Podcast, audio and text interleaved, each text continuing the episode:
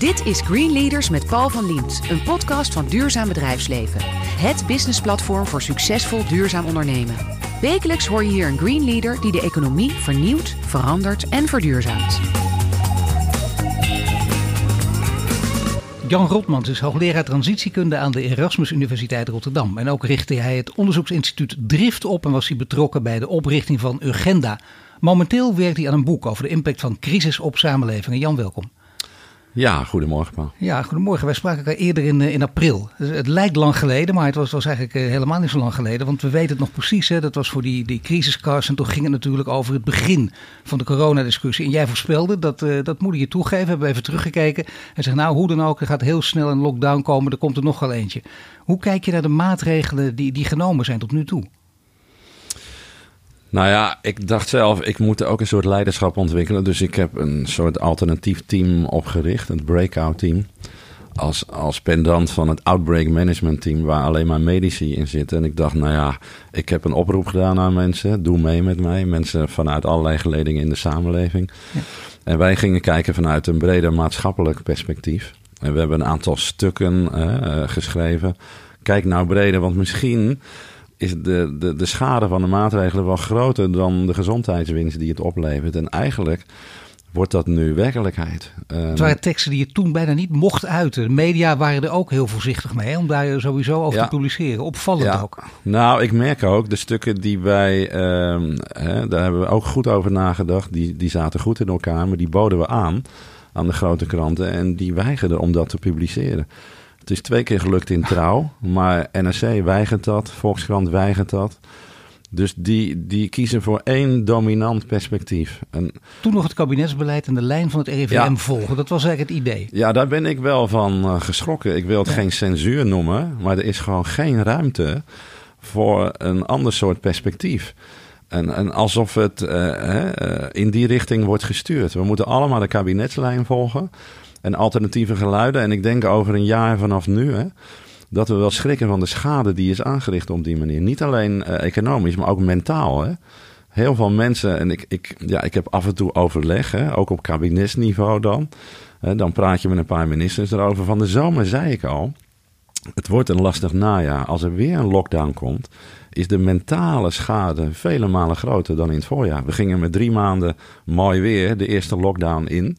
En nu, ja, toevallig is het nu mooi weer, maar het, het is een somme perspectief. En ik heb ook steeds uh, gesteld, geef mensen nou perspectief. Dus in ons laatste stuk hebben we gezegd, um, werk nou toe naar volgend jaar zomer. En ze zegt, dan moet bijna alles weer mogelijk zijn. En we gaan er alles aan doen om dat te laten lukken. Neem een perspectief van een half jaar. Maar we modderen maar voort van twee weken naar vier weken. En, ja. Toch sprak je die minister dus, hè? niet zo uh, lang na de uitbraak. En wat ja. zeiden ze dan? Want dan, dan, geven ze dit toch al belangrijk advies... en dan wordt dat welwillend natuurlijk aangehoord... maar vervolgens terzijde geschoven.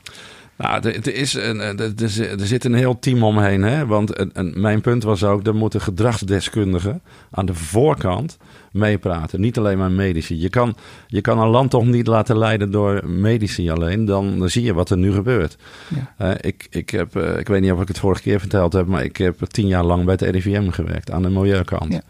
Nou, en aan de volksgezondheidskant zat Ab Osterhaus. Nou, we waren allebei redelijk jong hoogleraar. En hij zei me toen al, Jan, er komt ooit een mondiale uitbraak. En dan ben ik bijna iedere dag op televisie. Let maar op. Dat is 25 jaar geleden. Ja. Nou, en die man is geobsedeerd door virussen. Dat, zijn hele leven bestaat uit onderzoek naar virussen. Nog steeds. Hij is geloof ik 72. Ja. En, en hij heeft bijna een relatie met een virus. Dus als je die mensen ja, hè, daarover mee laat besluiten... dan weet je al wat er gebeurt. Dan komen we er dadelijk uit en let op wat er gebeurt... Maar dat zei ik in het voorjaar al. Dan gaan ze zeggen ja, maar het najaar wordt moeilijk. En nu zeggen ze al, we zijn er nog niet vanaf volgend jaar. En als we er vanaf zijn, zeggen ze, uh, er komen nog meer virussen aan. Ja, zo kan je geen perspectief ontwikkelen, toch, voor mensen. Kijk, bij het RIVM, dat is een keurig instituut, hè, maar het is risicomijdend. Een medicus is per definitie risicomijdend. We weten het allemaal. Hè? Je gaat het ziekenhuis in en dan wordt er, je denkt, nou dat is ongeveer een week. Nou, voor de zekerheid neemt u maar zes weken. En, en ze luisteren niet wat je doet en wat je tijd ja. is en wat je moet doen. Dat maakt niet uit. Dat is het. Alles voor ja. de gezondheid. En je bent geneigd mee te doen natuurlijk. Je bent in een zwakke positie. Nou ja, dat gebeurt dan. Nou, dat gebeurt nu. En, en ja, ik heb toen al gezegd, hè, je kan elk mensenleven willen redden, hè, vanuit het medisch perspectief, belangrijk. Maar je moet kijken naar wat het beste is voor ons allemaal. En dat doen we nog steeds niet. Want er is heel veel verborgen leed hè, bij mensen. Ik, ik kom veel in contact met studenten. Dat is echt een toenemend probleem. De vereenzaming van jonge mensen. Ze komen negatief in het nieuws vanwege die feestjes, maar dat is maar een heel kleine minderheid. Maar heel veel jonge mensen zijn gewoon eenzaam. Heel veel ouderen ook. Er wordt nauwelijks rekening gehouden met kwetsbaren. En we, we zijn nog steeds top-down aan het communiceren. Elke paar weken een persconferentie van minister Rutte. Nou, in Rotterdam-Zuid kijkt niemand daarnaar. Hè, 85% allochtoon. Nee, dat, dus ik heb ook gezegd, communiceer nou anders met die mensen. Hè? Via de lokale mensen, de imams, de buurtmedewerkers. En, en nog steeds gebeurt dat onvoldoende. Dus je praat wel mee. En, dan, en daar komen ook notities van in het geheim. Die mag ik nooit zien. En dan wordt dat ingebracht in het kabinet. Maar er komt zo'n Outbreak Management Team daar weer overheen. Hè, met Jaap van Dissel van het NIVM. En dan wordt alles weer van tafel geveegd. En dan kijken we weer louter vanuit dat hele smalle medisch perspectief. Je kan natuurlijk zeggen, en ik heb een begrip voor, hè, die ziekenhuizen die, die worden weer overstroomd. Met, dat is waar, maar je kan je afvragen of we dan niet genoeg geleerd hebben van die eerste golf. Want in Engeland hebben ze gelijk de IC-capaciteit verdubbeld. Um, daar hebben ze ook een heel andere structuur van de gezondheidszorg dan hier. Wij zijn weer niet goed voorbereid nu. En in Duitsland zagen we ook hè, dat, dat die iets minder op efficiëntie uh, gericht waren dan wij. En dat helpt wel. Dat is allemaal in ieder geval lessen voor de toekomst. Je noemt er heel veel uh, mogelijke vervelende gevolgen natuurlijk van die, van die uitbraak. Van, van dat uh, Outbreak Management Team dat eenzijdig gericht is met een eenzijdige blik. Maar wat is de invloed op het klimaatbeleid? Nou, dat is, dat is wel uh, mooi. Hè? Um, er kwam vorige week een publicatie uit Nature. En daar bleek dat uh, er wordt nu ongeveer 10.000 miljard dollar in die economie gepompt. Om eigenlijk de oude economie overeind te houden. Hè? Zie de KLM-discussie in Nederland. Alle grote multinationals die de oude economie vertegenwoordigen, houden we in de lucht. Een fractie van dat bedrag, als je dat 5 à 10 jaar investeert in een klimaataanpak, kan ervoor zorgen dat we de klimaatdoelen halen. Dus ja, ik heb ook een artikel nu in voorbereiding, wat ik de komende dagen wil uitbrengen. Van als we nou een fractie van dat geld tien jaar lang besteden aan het aanpakken van het klimaatprobleem, dan komen we heel ver. Maar dat doen we niet. Dus de, ik noem het ook, we missen een gouden kans. Dit is het moment om het meest urgente probleem wat we hebben, waar ik 35 jaar geleden al voor waarschuwde, ja. om dat aan te pakken. En we doen het niet. Ja, het kabinet heeft steeds geroepen ook, uh, ja, maar er zijn zoveel mensen die nu roepen hè, van er is een crisis en, en dit is het moment om het aan te pakken. Iedereen trekt het naar zich toe. Maar dit is natuurlijk van een andere orde, dit klimaatverhaal. Is, is het niet gek dat zij het niet doen? Dat overigens InvestNL, ook opgericht om in de energietransitie te investeren, dat dat ook even niet doet. Letterlijk met die woorden. Het is eigenlijk onbegrijpelijk. Dan heb je een investeringsfonds waar behoorlijk wat geld in zit. En dan gaat het toch weer naar de gevestigde orde vanuit de gestaalde kaders. En niet naar de nieuwe economie. En, en wie hebben het nu moeilijk? Die start-ups, die scale-ups, dat hele fragiele nieuwe ecosysteem. Die vallen bijna allemaal om. Uh, en wij maken ons druk om de piloten van de KLM. Nou, laten we eerlijk zijn. Hè, de, de KLM heeft weinig toekomst. Hè, en natuurlijk ben ik er ook trots op geweest.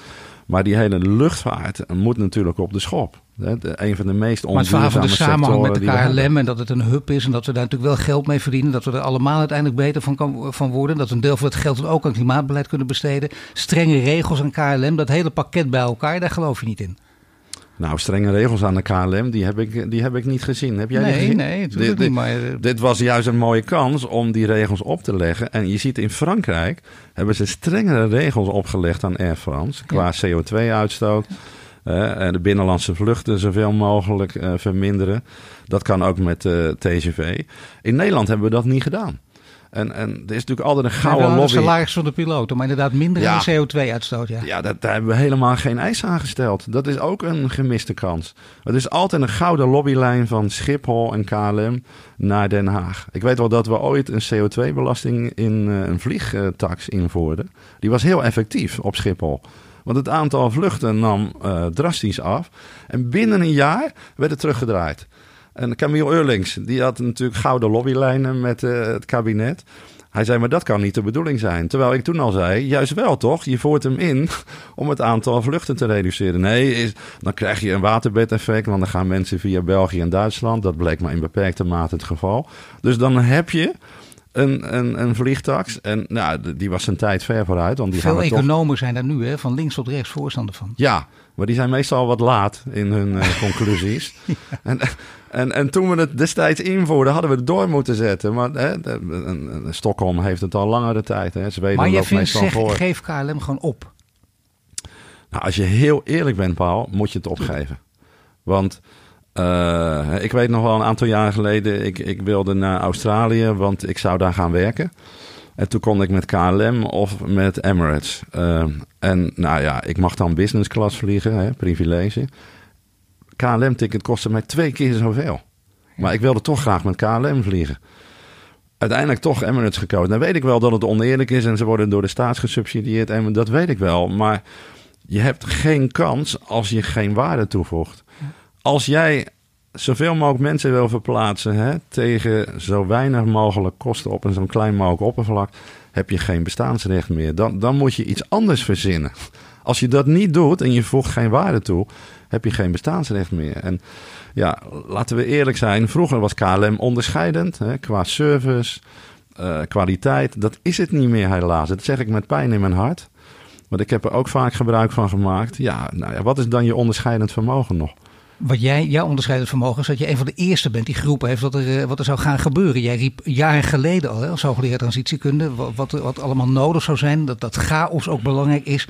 Dat levert urgentie op. Dat levert echte veranderingen op die nodig zijn. Een beetje zoals eigenlijk Ab Osterhaus het deed met zijn pandemie. Je hebt ook gelijk ja. gekregen, jij hebt ook gelijk gekregen. Maar wat, wat is en was het precies voor de mensen die dat nog niet weten? Hè? Hoogleraar transitiekunde. Wat voorspelde jij toen en wat is allemaal waar geworden? Ja, ik kom nog even terug op KLM, want ik heb toen in april mij gesprekken gevoerd. Uh, er zit daar namelijk een, een transformation officer, dus een manager transformatie. En die wilde graag een transitieproject koppelen aan een reorganisatietraject. Ja. Nou, een heel voorstel ingediend, een paar gesprekken gevoerd, niet doorgegaan. Want de top zei, nee, eerst reorganiseren, daarna gaan we veranderen. Ja, nou ja, dat bedoel ik. Dan, dan heb je dus in feite geen toekomst meer. Maar even terugkomend op jouw vraag. Ja, kijk, ik heb tien jaar lang het klimaatprobleem onderzocht. En op een gegeven moment dacht ik, nu weet ik genoeg.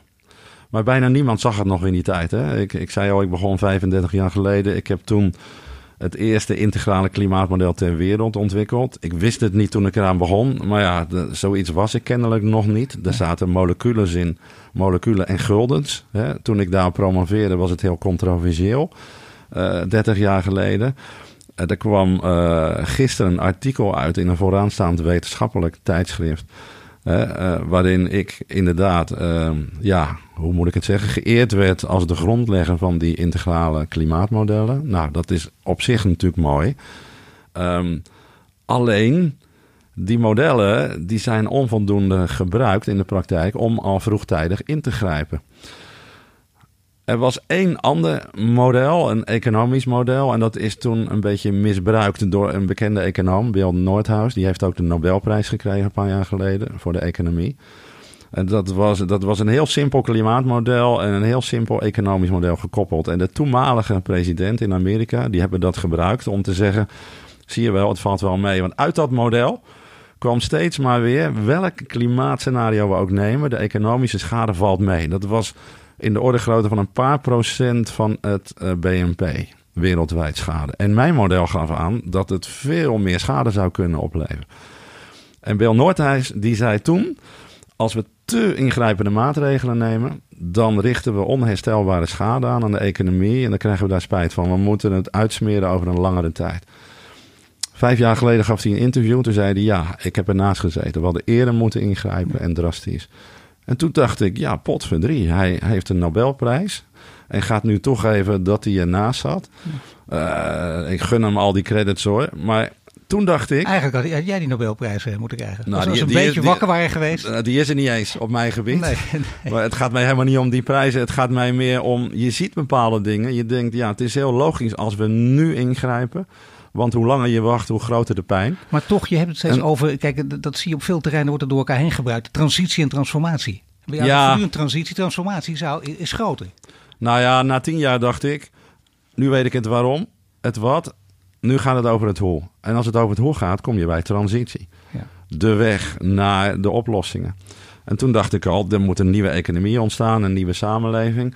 Kijk, eh, ik maak zelf niet zozeer onderscheid tussen transitie en transformatie. Meestal is een transformatie wat ingrijpender en gaat het ook over het persoonlijke. Hè? Dat je als persoon ook transformeert.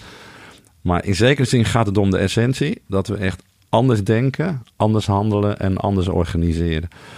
Dus ik heb het nu ook weer gezien hè, in twee van die geruchtmakende documentaires. Van Michael Moore en eh, ook van David Attenborough. Ja. Kijk, als je dus het economisch systeem niet verandert... en dat zie je ook bijvoorbeeld bij het Nederlands beleid... dan ga je allerlei technische maatregelen doorvoeren... En dat staat ook letterlijk in een van de laatste stukken van economische zaken. Dan kunnen wij alles blijven doen. Dan kunnen we blijven vliegen, blijven reizen, dingen blijven eten. Dus met andere woorden, en dat is een beetje Amerikaans. Ehm, onze leefstijl, hè, daar moet je niet aankomen. Maar de technologie maakt het mogelijk dat wij dit gaan oplossen. En, en dat is dus niet zo. Hè? Het zit ten diepste in ons. En dan kom je bij die transformatie. In hoe wij denken, in hoe wij leven. En ja, als wij dat niet veranderen, ja, dan komen we er niet. Het is niet alleen maar de techniek. En de laatste jaren komt er een stroming op, hè? ook onder invloed van het ecomodernisme. En die leggen het allemaal in handen van de technologie. Uh, er kwam laatst een objectboekje uit van een journalist. Tegenwoordig willen al die journalisten ook boeken schrijven. Zonder dat ze echt heel veel kennis hebben op die gebieden. En daar staat ook in van, ja, uh, wat stond er nou in? Ons eigen gedrag uh, is niet bepalend. Weet je, wat ligt in handen van de bedrijven en de overheden. Um, dus verbeter de wereld hè, en begin bij jezelf, dat telt niet meer. En, en toen dacht ik, ja, hoe dom kun je zijn eigenlijk, hè? Want kijk, ons eigen gedrag is sowieso bepalend. Maar ook indirect. Wij kunnen heel veel druk uitoefenen op bedrijven, op de politiek, hè, op overheden. De indirecte effecten van ons gedrag zijn nog groter dan de directe effecten. Maar er is goed nieuws, Jan. Er zijn ook uh, jonge generaties die daar misschien meer in jouw uh, zin over doordenken. Uh, we spraken hier, ik weet niet of je hem kent, met Werner Schouten. Dat is voorzitter ja. van de Jonge Klimaatbeweging. Ja. En die wilde heel graag deze vraag aan jou stellen. En mijn vraag voor uh, Jan Rotmans is: uh, wat is de, de rol van, van cultuur en, en waarde in, uh, in transities? Als transitieprofessor hoop ik natuurlijk op een hele mooie reactie. Hij vindt het mooi, maar wil dus weten wat inderdaad de rol is van, van cultuur en waarde in de transities. Nou, dat is, een goede vraag, hè? Ja, een hele leuke vraag. Ja. ja. Dat is nou eens een keer niet zo'n technische, harde vraag. Ja. Ja, het leuke, Paul, is dat dan um, toen ik begon met transities, uh, vroeg iedereen me, wat zijn het eigenlijk en waarom zijn ze nodig? En toen dacht ik, ja, ik heb steeds duizend woorden nodig. Laat ik nou eens kunstenaars vragen om dat te verbeelden. En uh, toen zat ik nog in Maastricht aan de universiteit en daar zat ook uh, ja, de Academie voor Beeldende Kunst. Dus ik heb die kunstenaars uitgenodigd. Ik heb een klein college gegeven. Ik zei, kunnen jullie daar iets mee? Maar nee, ze herkenden het niet. Ja, ik was natuurlijk weer te vroeg. Ze wilden ook niet in opdracht werken. Totale mislukking. Dus uh, ik had een kennis een opdracht gegeven en dat vond ik wel een aardig schilderij. Maar nu heb ik het weer. Hè. Ik heb ook in mijn boeken opgeroepen. We hebben behoefte aan kunstenaars en filosofen. Dus in tijden van omwenteling, dat zagen we ook in de 19e eeuw, ten tijde van de industriële revolutie. Toen was er ontzettend veel uh, onrust en chaos. En toen stonden de kunstenaars op en de filosofen. En de filosofen waren eigenlijk de seismografen van de tijdsgeest die veranderde. En de kunstenaars gingen aan de slag met verbeeldingskracht. Dus die gingen verbeelden hoe we daaruit zouden kunnen komen. En dat gaf hoop en troost en ja, ook een soort van optimisme. En dat hebben we nu weer nodig. Er is ontzettend veel behoefte aan verbeeldingskracht. Dus ik ben ook bezig in mijn nieuwe boek met een soort kaart van Nederland over 100 jaar. Met architecten en ook met een paar kunstenaars die dat kunnen verbeelden. Want ook om uit deze coronacrisis te komen, hebben we verbeeldingskracht nodig. En wat doen we? Ja, eigenlijk sluiten we nu alle kunst en cultuur uh, af. Hè? Want het is economisch wat minder belangrijk. Maar er is volstrekt gebrek aan verbeeldingskracht bij veel mensen. Hoe komen we hier in vredesnaam uit? Ja, dat past ook in jouw verhaal van, van integraal denken. Daar gaan we zo meteen over doorpraten. Je hoort uh, Jan Rotmans. Hij is hoogleraar transitiekunde aan de Erasmus Universiteit Rotterdam. En straks dan praten we verder over de transitie naar een duurzame economie. Maar eerst hebben we het over zijn persoonlijke drijfveren en over duurzaam leiderschap.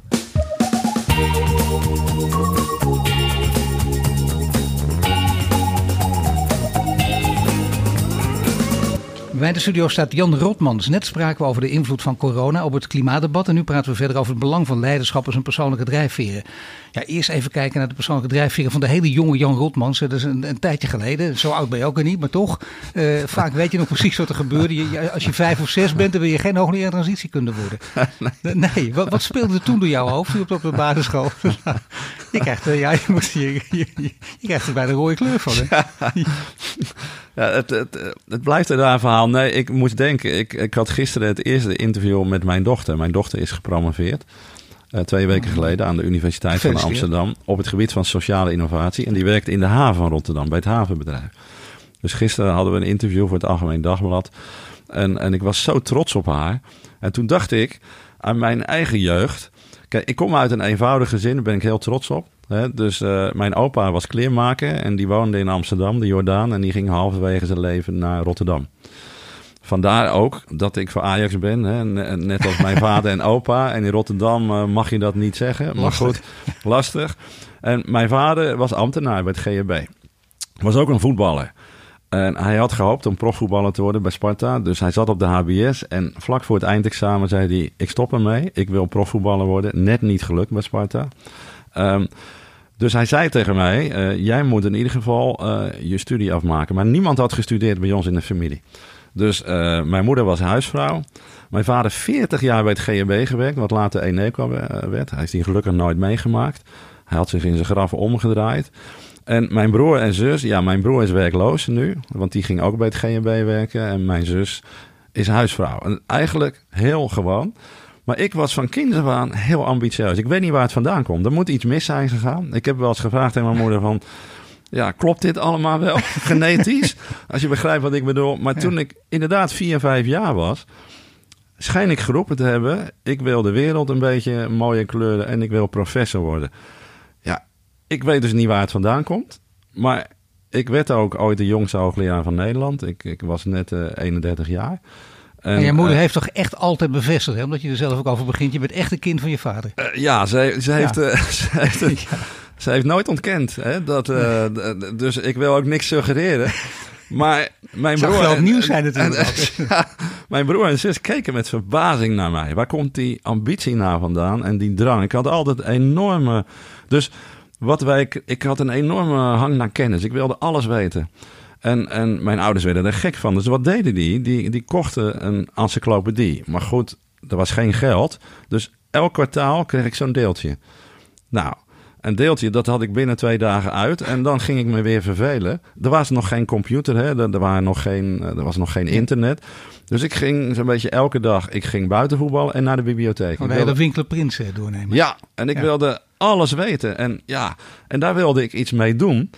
Dus ik was niet te houden op school ook niet, maar ik mocht geen klasse overslaan. Dus ik werd een beetje een vervelend baasje in de klas. En ik werd uit de klas gezet ook.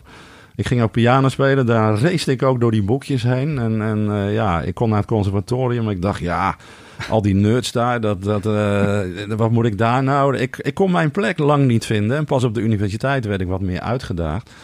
Maar nog steeds vraag ik me af waar dat vandaan komt. Want ja, ik, als ik dus een verjaardagsfeestje heb met mijn broer en zus, ja, dan gaat het overal over, maar niet uh, wat ik doe. En, en uh, ja, dat, dat is nog steeds heel lastig voor maar mij. Maar dit is de ambitie omdat je, dat je, dat, je, dat je een honger naar kennis hebt. En dat je, dat je steeds meer wil weten, nieuwsgierigheid. En je ook, ook de vermogens hebt om dat in iets om te zetten. Maar ja, ja het, het, de, de, relatie met transitie, klimaat, ik bedoel, dat is ook een nou, moment natuurlijk. Ja, en het mooie is, Paul, ik, ik ben een jongen van de stad, hè. Dus, ik ben, en, en, dus toen ik een paar jaar geleden op Antarctica kwam, toen moest ik letterlijk huilen. Want ik had nog nooit die stilte ervaren. En de schoonheid van de natuur en ook de kwetsbaarheid. En als jongen van de stad ben je dat niet gewend. Die absolute stilte ja. en die overweldigende schoonheid in combinatie met die kwetsbaarheid.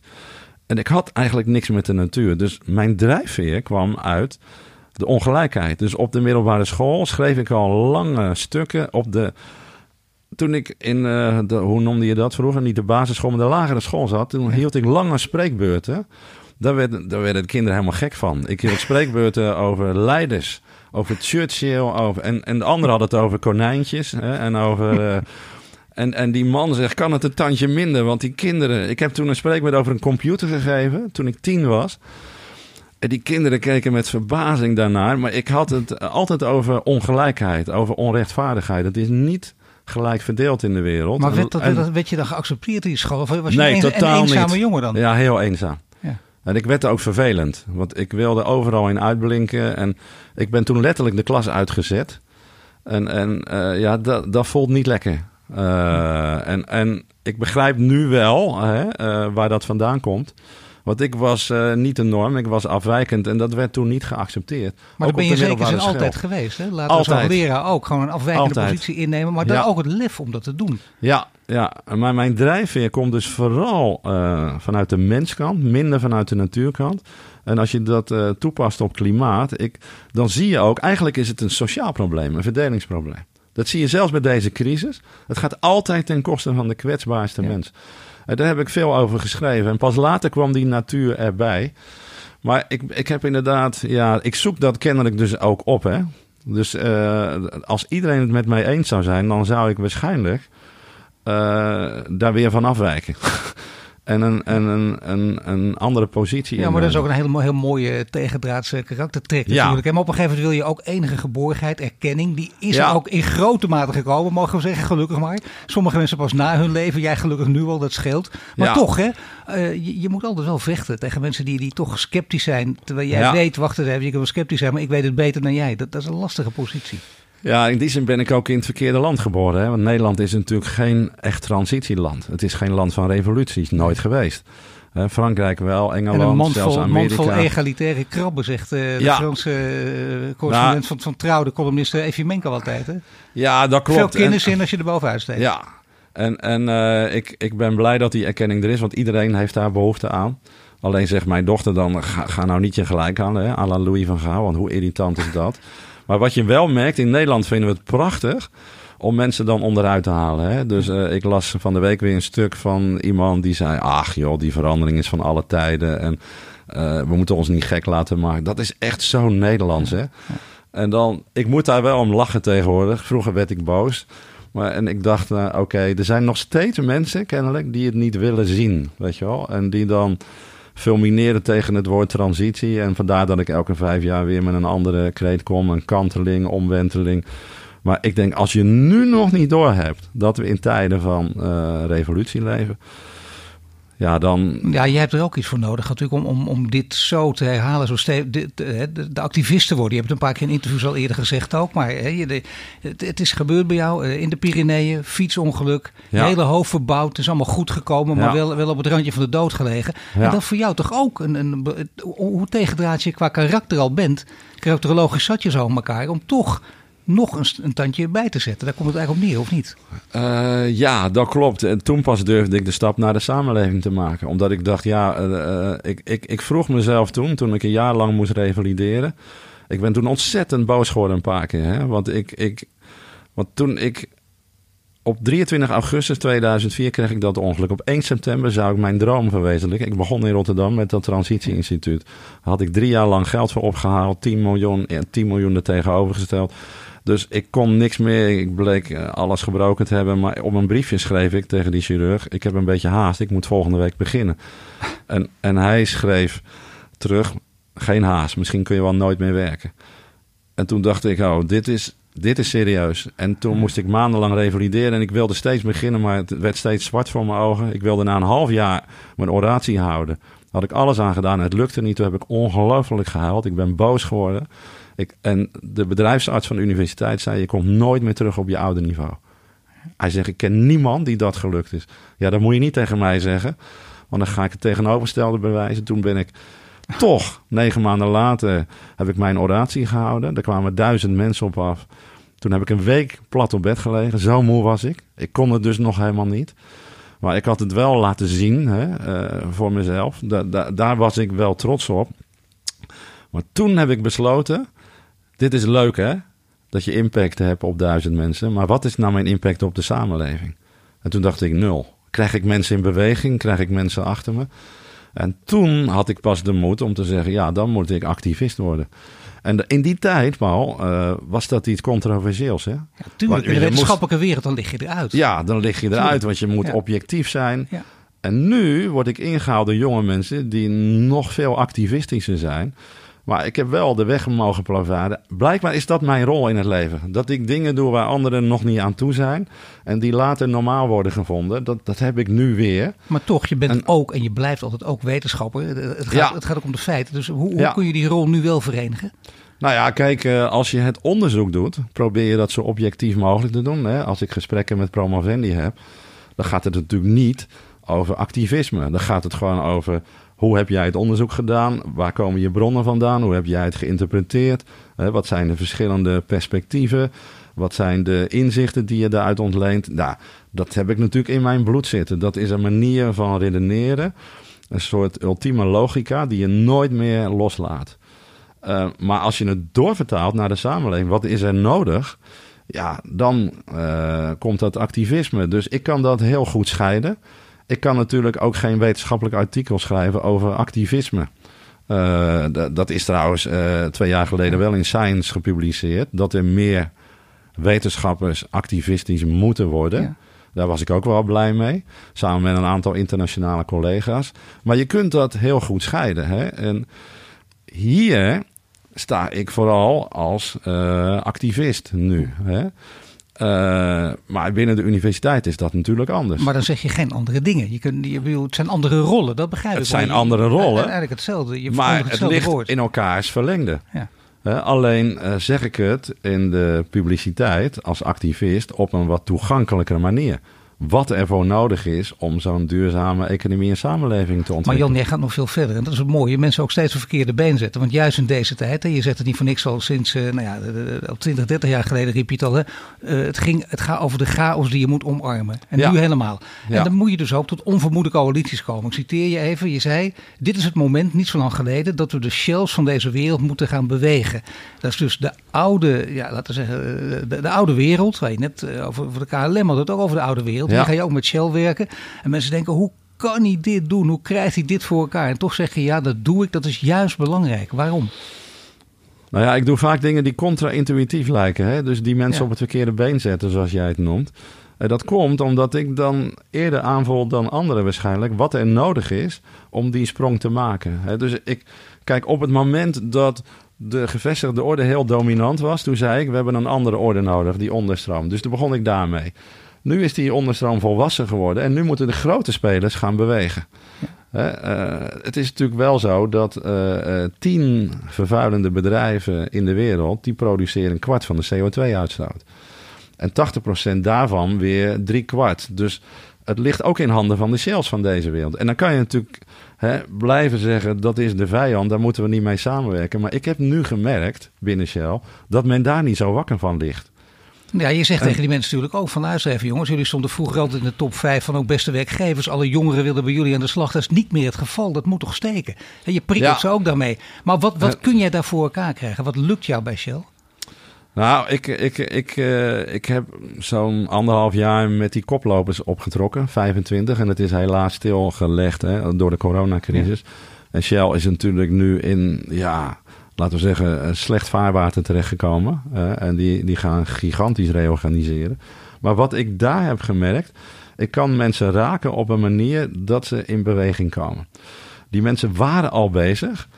Maar ik heb ze zo uh, kunnen doordringen van de urgentie en de mogelijkheden, hoe ze het bedrijf konden beïnvloeden, dat zij eigenlijk ambassadeur zijn geworden van die vernieuwing. Dus zij zaaien het binnen het bedrijf. Uh, ik noem maar wat, hè. Dan, er komt nu elk jaar een duurzame week hè, dan binnen Shell. Mensen gaan aan de slag met hun eigen ideeën.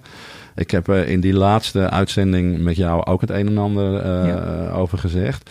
Dus wat je merkt is uh, het geloof dat het kan vanuit de urgentie dat het echt moet. En ik maar heb de, ook gemerkt... Maar je weet, het praktisch is ook, de aandeelhouders moeten ook mee natuurlijk. Daar gaat het om. Maar die hebben al voor het eerst in de leven ongeveer bij Shell uh, met een dividend gemaakt. Dat ze opeens niks krijgen wat ze wilden hebben. Dus dan, ja, die, die gaan ook over de oren krabben. Die, die zijn ook maar op één ding gericht. Nou ja, ik, ik heb uh, mensen van buiten binnengehaald daar. Bijvoorbeeld Mark van Baal van Follow This. Ja. Heeft een gloedvol betoog gehouden voor die. Ja. En die waren zo enthousiast dat ze zeiden... eigenlijk zou iedere Shell-medewerker lid moeten worden hè, daarvan. Nou, dat was toch een iets te woest plan, want dat was niet de bedoeling. Dus dat, uh, dat, dat veroorzaakte gelijk paniek. Uh, en, en, en ook later, hè, we hebben een transgender uitgenodigd. Dus een vrouw die man was geweest. Ja, hoe mooi is dat? Hè? Persoonlijke transformatie. En die gaf allerlei inzichten mee hoe je anderen mee moet nemen in je eigen omgeving. En daar waren mensen door geïnspireerd. Dus er is daar heel wat gebeurd. En, um, en ik was ook blij, hè? Uh, vorige week bekendgemaakt want ik heb daar ook gezegd, het tempo moet tien keer hoger dan nu. Vorige week, hè, Ben van Beuren maakt bekend dat een kwart van de investeringen vanaf dit jaar, 5 miljard per jaar, gaat naar duurzame energie. En dat was nog maar 8, 9, 10 procent binnen Shell. Dus ze gaan nu naar een kwart en dan moeten ze heel snel naar de helft. Want nog steeds gaat drie kwart naar olie en gas. Maar ik heb gezegd, in 20 jaar moet je dus je eigen DNA afbreken, olie en gas. En in 20 jaar moet je een nieuw DNA opbouwen. Nou, dat is zon, wind, biomassa, waterstof. Veel meer smaken heb je niet. Dat hij dit doet, mede onder invloed natuurlijk van jou ook, of niet? Nou, dat wil ik niet claimen. Ja, laten we het even zeggen. Is, is, dit, is dit een vorm van goed leiderschap, van wat, wat, wat hij uh, teweeg brengt? Dit is een vorm van leiderschap die hard nodig was. En die eigenlijk al veel eerder had moeten plaatsvinden. Uh, maar die stappen moet je dus gaan zetten. He, dat je dat je, en daar hadden we het in het begin over, en dat wij ook bij het in de lucht houden van die oude, oude economie en ook zo'n InvestNL, dan moeten wij gewoon zeggen, het merendeel van de investering gaat naar de nieuwe economie. Maar wat voor leiderschap heb je daarvoor nodig? Want die roep klinkt om de tien jaar op. Hè? Er is nu een andere vorm nodig en dan zoeken we allemaal, dan komen we vaak op een... Het gaat ook om woorden, op een hele mooie nieuwe term. Ja, nou, er is, er is eigenlijk twee dingen zijn nodig in termen van leiderschap. Authentiek leiderschap en verbindend leiderschap. Dus mensen moeten voelen dat je het ook echt meent en dat je staat voor wat je zegt. En het moet ook verbindend zijn. En dat laatste vond ik ontbreken ook binnen Shell. Het blijft vaak een beetje technocratisch hè, en, een beetje koud en kil. En mensen willen gewoon in verbinding staan, ook met hun leiders. Ze willen ook dat zo'n man daar echt mee bezig is, ook in zijn dagelijks leven. Anders is het gewoon niet authentiek. En uh, nou ja, weet je, het, het, het, ik kan niet alles zeggen, want alles wat ik erover zeg in de publiciteit, hè, dan breekt er weer onrust uit. Ja, dus maar daar kun je tegen, kom op. Hè. Ik, nee, maar dat is, als iemand tegen een stootje kan, nee, je gaat er niet opeens eh, bang worden nu op je oude dag. Nee, nee, nee, nee, nee, ik ben helemaal nooit bang. Hè. Nee. Maar, maar er is, laat ik zeggen, ook gepleit binnen Shell voor een nieuw soort leiderschap. En, en de leiders die trekken zich dat blijkbaar aan. Hè? Dat, dat, is... Gepleit voor een authentiek verbindend soort leiderschap. Ja, ja. En niet uh, alleen maar sturen op koude, kille cijfers en al te veel leunen op die aandeelhouders. Want die worden ook in toenemende mate ongerust over de volatiliteit in de oliemarkt. Want je kan. Investeren in olie is steeds meer een risico. Iedereen is daar wel achter. Hè? De, de olieprijzen zullen best wel weer gaan stijgen. Maar het is te volatiel. Je kan daar geen beleid meer op bouwen. Dus normaal in oude tijden zou je zeggen, de aandeelhouders zijn gewaarschuwd. Maar nu uh, kunnen ze, dat is pas echt verbindend, hier blij mee zijn. Ja. Uiteindelijk op termijn zullen ze hiermee gaan winnen. Maar ja, maakt dat uh, aandeelhouders ja. maar wijs. Die op korte termijn uh, centjes willen zien. Ja, en, en, en, en ik heb ook tegen Shell gezegd. Het is, uh, want ze zeggen, wij doen heel veel mooie dingen. Hè? En de meeste mensen willen dat niet zien van buiten. Ik zeg, ja, maar kom op. Ik heb de cijfers laten zien. Hè? Als je nog steeds 95% van je investeringen in olie en gas investeert, ben je niet geloofwaardig. Dan moet je iets, met iets komen waarvan mensen zeggen: hè, hè, dit begint erop te lijken. Anders is het alleen maar greenwashing en dan gaat het om. Hè, image building, maar het gaat om identiteit, heb ik gezegd. Je moet je identiteit ter discussie durven stellen. En eindelijk gebeurt dat nu. En over vijf jaar moet je de helft investeren hè, in uh, duurzaam. En over tien jaar al drie kwart tot 80 procent. Dat zijn reuze stappen die je moet nemen. En uh, ja, uh, het gaat ook gebeuren. En ik zei van de week nog, ik heb 15 jaar geleden gezegd, als Shell zo doorgaat, hebben ze geen bestaansrecht. En wat werd er toen omgelachen, zeg? En, en nu niet meer, hè? Dus ik zie van binnenuit dat men die urgentie voelt. Misschien denk ik, als ik dit verhaal hoor, eh, moet je toch eens met KLM gaan praten. Ik weet niet of ze dat na dit interview nog willen, maar toch. Nou, ik, zou kunnen. Daarom was ik een beetje boos en teleurgesteld, omdat ze dat niet aandurfden. Terwijl ik dacht, zie je nou echt niet dat je anders geen toekomst meer hebt? En, en die managementtransformatie was ook heel teleurgesteld. Maar ja, op één niveau daarboven, de top, die wilde het niet aan. Die vindt dat dan te confronterend. En, maar die, die komen nog wel terug. Dat, dat kan bijna niet anders. Anders heb je ook geen bestaansrecht meer. Aan het woord is Jan Rotmans. En net spraken we over zijn drijfveren, over duurzaam leiderschap. En straks praten we verder over de rol die belangrijke transities spelen op dit moment.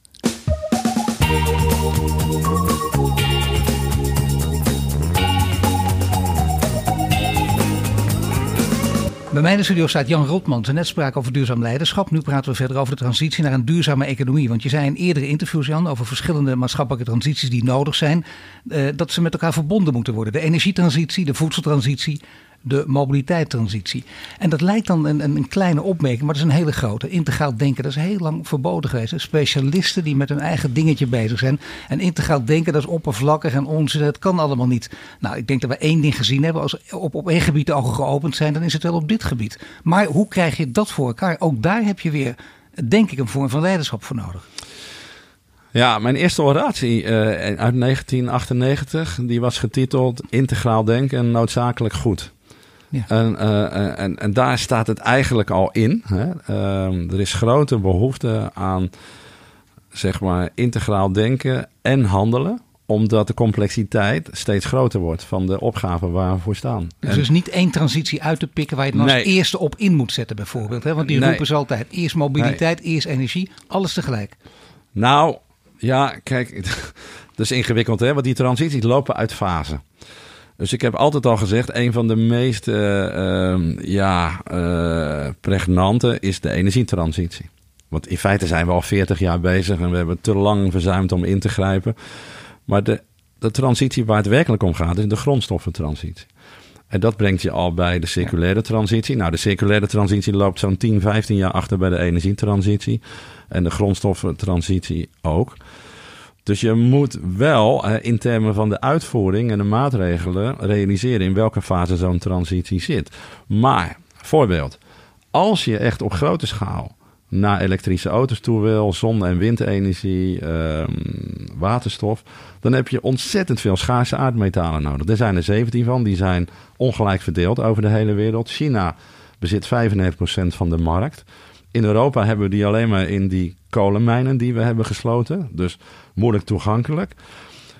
Dan heb je ontzettend veel lithium nodig, scandium, neodymium, uh, silicium. Ja, dat wordt het vraagstuk. En Afrika heeft er veel van. Het wordt al geëxploiteerd door China.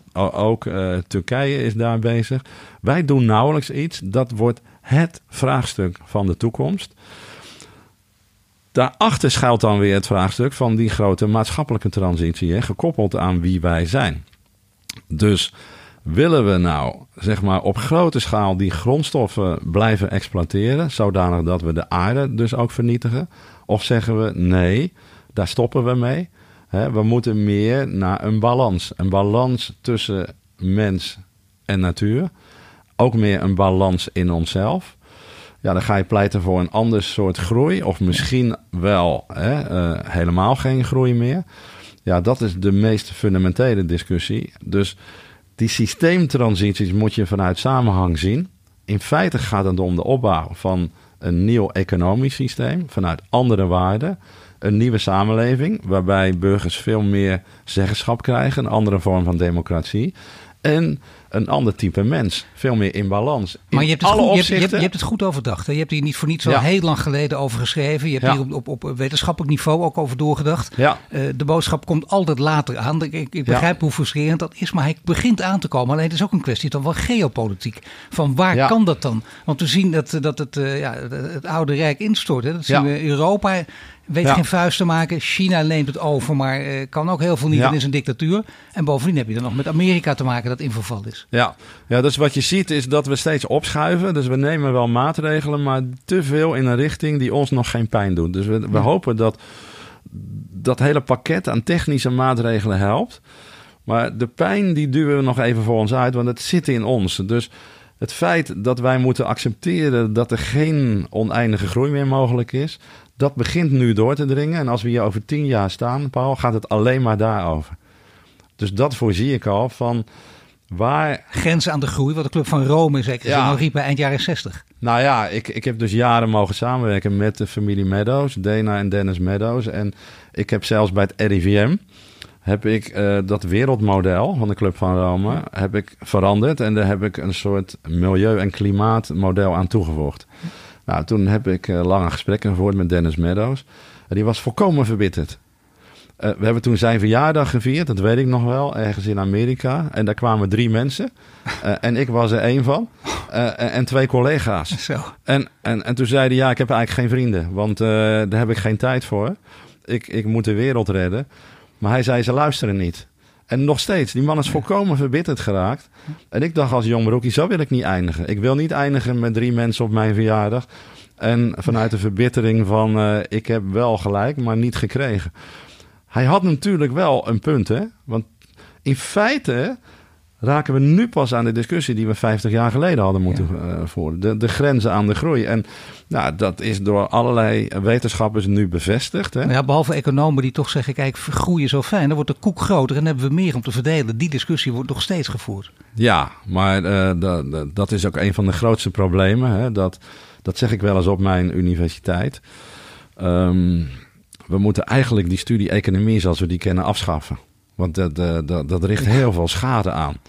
Dat, je kan nu niet meer Dan maak je vrienden volhouden. mee ook, hè? Nee, nou ja, Dat maar- maakt niet uit. Het, het, nou ja, maar het- ik zeg het al heel lang, nee, Paul. natuurlijk. Het, het, eh, ik, ik, had, ik had gisteren weer eh, een college online, helaas, voor studenten economie. En toen had ik het over de homo economicus. Hè, en ik zeg, hoe kan je nou mensen nog steeds wijsmaken dat wij alleen maar homo economicus zijn? We zijn ook homo sociologicus. Kijken we naar deze crisis, we missen elkaar, dat groepsgevoel. En we zijn ook homo eh, ecologicus. Dus het is van alles wat. Maar die mythe dat wij, dat de wereld zeg maar een vrije markt is en dat wij dus competitie moeten voeren met elkaar, hè? dat is bijna crimineel als je zo denkt. Dat wij alleen maar dat doen en dat wij streven als individuen naar het maximeren van ons eigen nut. Toch zie je wel bij alle verkiezingen, ook bij de Amerikaanse verkiezingen. Er zijn heel veel thema's die daar spelen. Opstanden die dreigen. Maar toch, wat vinden de kiezers over het hele, over het hele land? Het allerbelangrijkste, de economie. Ja, maar in tijden van crisis, hè, eh, van grote veranderingen, dan is er heel veel angst bij mensen en dan kiezen ze toch voor zichzelf. Dat is logisch, want ze voelen zich in hun bestaan bedreigd. En dan krijg je de Trumps van deze wereld eh, als een laatste, ja, bijna poging om het nog te redden. Maar we hadden het er net al over. eh, Amerika eh, dreigt af te glijden naar het niveau van een derde wereldland. In Ja. alle opzichten. En dat manifesteert zich dan ook in het leiderschap. Want laten we nou niet doen alsof het alternatief zo sprankelend is. Joe Biden, die, die Nee, in november 78 wordt. Ja. Dus hoe kan het nou zo zijn dat je dan niet een jonge, moderne leider kan opvoeren? Dat tekent de staat van verval waarin dat land is. En dat is het voorbeeld van de oude economie. Failed state, failed economy. Dat, dat kan echt Maar niet toch meer. zeg je, als we hier over tien jaar staan, dan ziet het er anders uit. Dan zal dat beeld eh, veranderd zijn. Zal dat beeld ook anders zijn. En dan zal, zal vooral de discussie over grens aan de groei zijn opgehouden. Over tien jaar dan hebben we heel veel technische maatregelen genomen. Hebben we een aantal klimaatdoelen gehaald. En dan begint het pas echt. Want dan gaat het over wat kunnen en mogen we nu nog wel doen of niet. Gaan we nog steeds die hele aardbol overreizen? Gaan we nog steeds alles exploiteren ten behoeve van die groei, als die er dan nog is? Ehm, eh, en waarschijnlijk, en dat is de moeilijkste discussie, moeten we dan toegeven dat we dat niet kunnen volhouden. En dan gaan we ons veel meer eh, eh, oriënteren op de eigen regio. Eh, zeg maar de, de lokale communities. eh, vanuit een totaal andere eh, filosofie. De nieuwe economie is veel meer regionaal Je georiënteerd. hebt het woord globalisering 50 ook bij bedoel, genoemd. Globalisering toch- heb ik het ooit maar, maar toch zeggen Ja. mensen natuurlijk ook, de, de, dat zijn misschien de verstandige economen die zeggen, wacht even, maar globalisering zal nooit helemaal weggaan natuurlijk. Want stel je hebt ergens een misoogst, ja, dan, dan heb je geen eten. Dus dat kan niet. Je blijft altijd van toevoer wel degelijk afhankelijk. Ja, maar dat is dus eh, het klassieke misverstand. En daarom denk ik integraal. Het is en-en. Je kan natuurlijk niet de globalisering wegdenken. Maar globalisering die zo ver is doorgeschoten, is verwoestend. Dus je moet daar iets tegenover zetten. Ook hier gaat het om een balans tussen lokalisering en globalisering. Je kan niet de illusie hebben dat je alles in de eigen regio gaat produceren. Maar wel zoveel mogelijk. Waarom moeten wij de rest van de wereld van voedsel voorzien in Nederland? Wie heeft dat ooit verzonnen? Waarom maken we van Rotterdam-Zuid de ongezondste stad van Nederland niet de gezondste, terwijl het Westland 10 kilometer verderop ligt? En we de rest van de wereld daarmee willen voeden. Dat is krankzinnig. Dus wij moeten zorgen dat minstens de helft voor de eigen regio is. Of het nou mondkapjes zijn, medicijnen of voedsel of energie. En daarnaast hebben we dan nog het globale stuk. Maar, nu is het totaal die, uit balans. Maar wel zorgen dat je al die mensen in redelijkheid bij elkaar krijgt. Hè? Dat is misschien wel het, het allermoeilijkste. En jij, jij, weet precies hoe dat werkt. Hè? Dat je niet alleen met een clubje intellectuelen moet zitten. Je kent ook, je, je weet waar je vandaan komt. Dat, dat zul je nooit verloochenen. Nee. Je weet hoe mensen ook denken in het leven staan. Je, mag, je, kunt er niet, uh, je kunt niet tegen mensen roepen, jullie zijn nog niet zoveel. Jullie zijn te dom, jullie snappen het niet. Hè? Als nee. je ergens zes hoog achter woont met vier kinderen. Is het ook heel lastig om, om bijvoorbeeld heel gezond te eten. Ik noem maar wat. Want het is altijd ja. ook weer duurder. Ja. En dan kun je wel een hele mooie elitaire boodschap. Dat wil je niet. Dus Nee. welke richting zou je moeten opgaan, denk je? Maar eh, eh, Paul, ik sta natuurlijk wel met mijn eh, op zijn Rotterdam poten in de modder. Hè? Ja, ik, ik ben nu bezig met wijkonderzoek. En ik heb eh, morgen daar een gesprek over met de wethouder in Rotterdam. En ik heb een vlijmscherp artikel geschreven over hoe dat faalt in Rotterdam en elders ook. Dus wat er gebeurd is, je ziet in al die grote steden, er is een geweldige hoeveelheid initiatieven van burgers. En ik heb dan ook gekeken naar hè, de moeilijke wijken, zo gezegd. En die ambtenaren, die willen eigenlijk wel helpen, maar vanuit de beste bedoelingen eh, werken ze eigenlijk tegen. Ja. Hè, dat is de kleilaag, de, de, de spreadsheet-ambtenaren. Ja.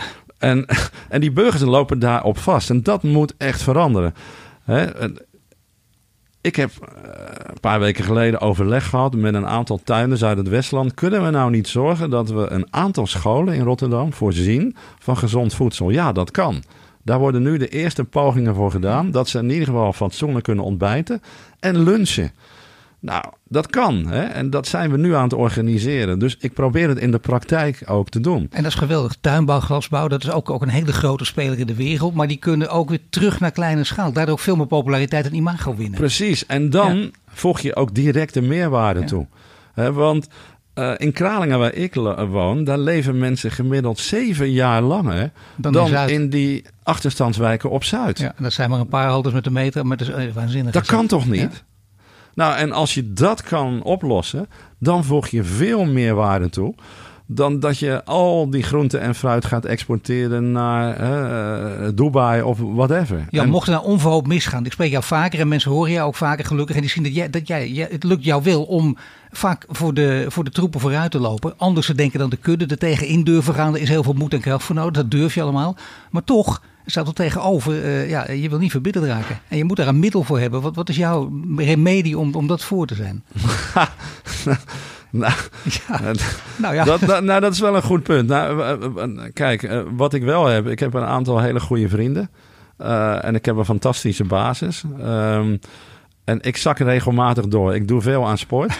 en ik heb wel de kunst van het relativeren en zelfspot. Dus wat veel mensen niet van mij verwachten, maar ik heb, eh, ja, ik, ik denk dat ik wel een zekere vorm van humor heb en Nee, zelfrelativering. Eh, en als ik met vrienden op stap ga, het kan helaas nu niet en dat mis ik ook. Maar dan zak ik wel eens tot vier, vijf, zes uur s'nachts door. En dan gaat het over het leven. En maar dan, wordt er ook gedronken. eh, heel veel. En gesnoven.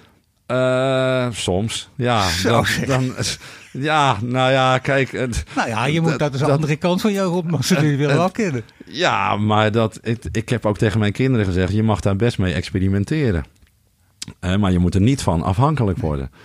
Ehm, en, en ik vind cocaïne wat anders, hè? want dan help je mee aan die eh, criminaliteit. Dus dat heb ik afgezworen. Maar af en toe, ja, weet je wel, een, een, een pilletje, dat doe ik niet meer zo vaak. Maar ik, ik, ik heb eh, een half jaar geleden met een vriend nog een, een fles whisky op, toen het nog kon. En ehm, nou, eh, de volgende dag, dat was moeilijk te beschrijven. Eh, hadden wij toch een interview, dachten nou? Nou, en, eh, ja, ja, nou ja, weet je, dan... nee, nee, nee, maar, maar, maar dat zijn mooie dingen, Ja. weet je wel. Want je moet... Kijk, je moet ook zelf in balans komen. En, en zo één keer in de maand, dan zak ik door. En dan eindig ik meestal in Swarma Jaffa in Rotterdam. om half zes morgens. En dan kijk ik om me heen en denk ik, dit is het echte leven. Deze mensen hebben het misschien beter door dan al die intellectuelen. En daar komt van alles dan. Hè? En dan denk ik, ja, Weet je wel, dat, dan laat ik mijzelf op als het ware. Ja. Want anders kom je buiten de samenleving te zweven. En dan weet je niet meer wat er echt leeft bij mensen. En je moet jezelf af en toe schoonmaken. En ik doe ook wel aan een soort praktische meditatie. Dus eh, elke week dan zoom ik uit en dan denk ik, wat is er weer gebeurd? En dan neem ik even afstand van de dingen. Dus zowel geestelijk als lichamelijk moet je jezelf opschonen. En ik las laatst een mooi artikel van iemand die zei: Het is niet zo dat wij te hard werken. Uh, we nemen te weinig tijd om op te laden. En uh, dat vind ik wel mooi gezegd. Nou, dat vind ik een fantastische levensles. Daar moet je niet overheen willen gaan. Dat is een geweldig laatste zin. Ik dank je wel, Jan Rotmans. Je luistert naar een podcast van Duurzaam Bedrijfsleven. Mede mogelijk gemaakt door onze partners Ebbingen en Hill en Nolten. En volgende week zijn we terug met een nieuwe Green Leader. Dit was de Green Leaders podcast voor deze week. Volg onze website voor meer nieuws over succesvol duurzaam ondernemen. Wil je meer afleveringen luisteren? Abonneer je dan nu via iTunes of Spotify en krijg een melding wanneer er een nieuwe podcast online staat.